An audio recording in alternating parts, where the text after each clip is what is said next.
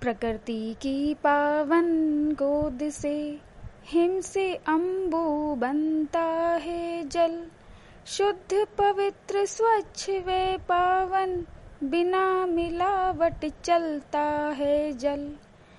पर्वत गिरी भूधर से होकर इठलाता ताबन निर्झर। मिलकर सभी वन्य जीवों से स्वयं को धन्य समझता है जल। गिरी से गिर कर जब मैदान में रूप लेता वह पुष्कर का धर।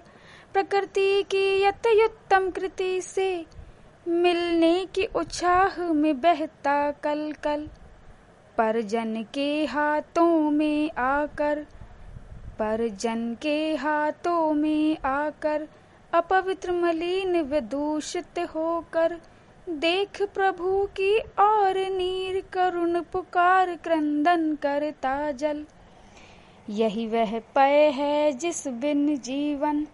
नहीं शक्य है, नहीं संभाव्य। फिर भी क्यों नर करे उपेक्षा? क्यों नहीं समझे उदक का बल? फिर भी क्यों नर करे उपेक्षा? क्यों नहीं समझे उदक का बल?